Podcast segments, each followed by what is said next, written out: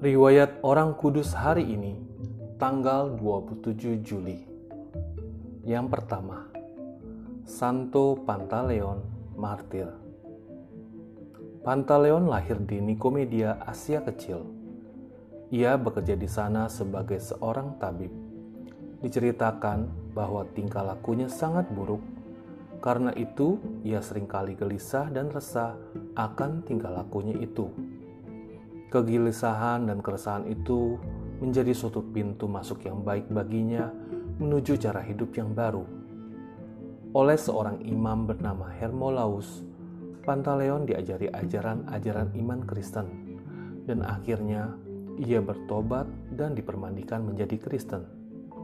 Sejak itu, ia berjanji untuk meninggalkan cara hidupnya yang lama dan berniat menyilih dosa-dosanya dengan perbuatan-perbuatan baik.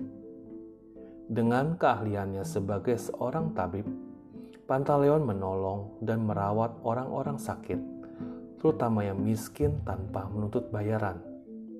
Bahkan dia membagi-bagikan harta miliknya kepada mereka. Di samping itu, ia rajin menyebarkan ajaran-ajaran Kristen kepada banyak orang, terutama di kalangan orang-orang sakit yang dirawatnya. Banyak sekali orang yang berhasil ditobatkannya dan diantar kepada iman yang benar. Ia juga mempertobatkan ayahnya yang masih kafir. Pada masa penganiayaan orang-orang Kristen oleh Kaisar Diocletianus, Pantaleon ditangkap dan disiksa hingga mati.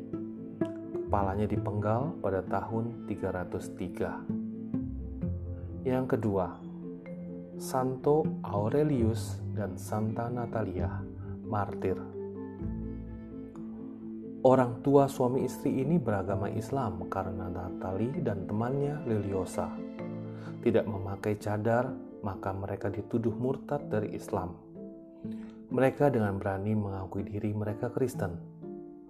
Oleh karena itu, mereka dibunuh bersama Gergius, seorang biarawan yang giat berkhotbah membela kebenaran agama Kristen.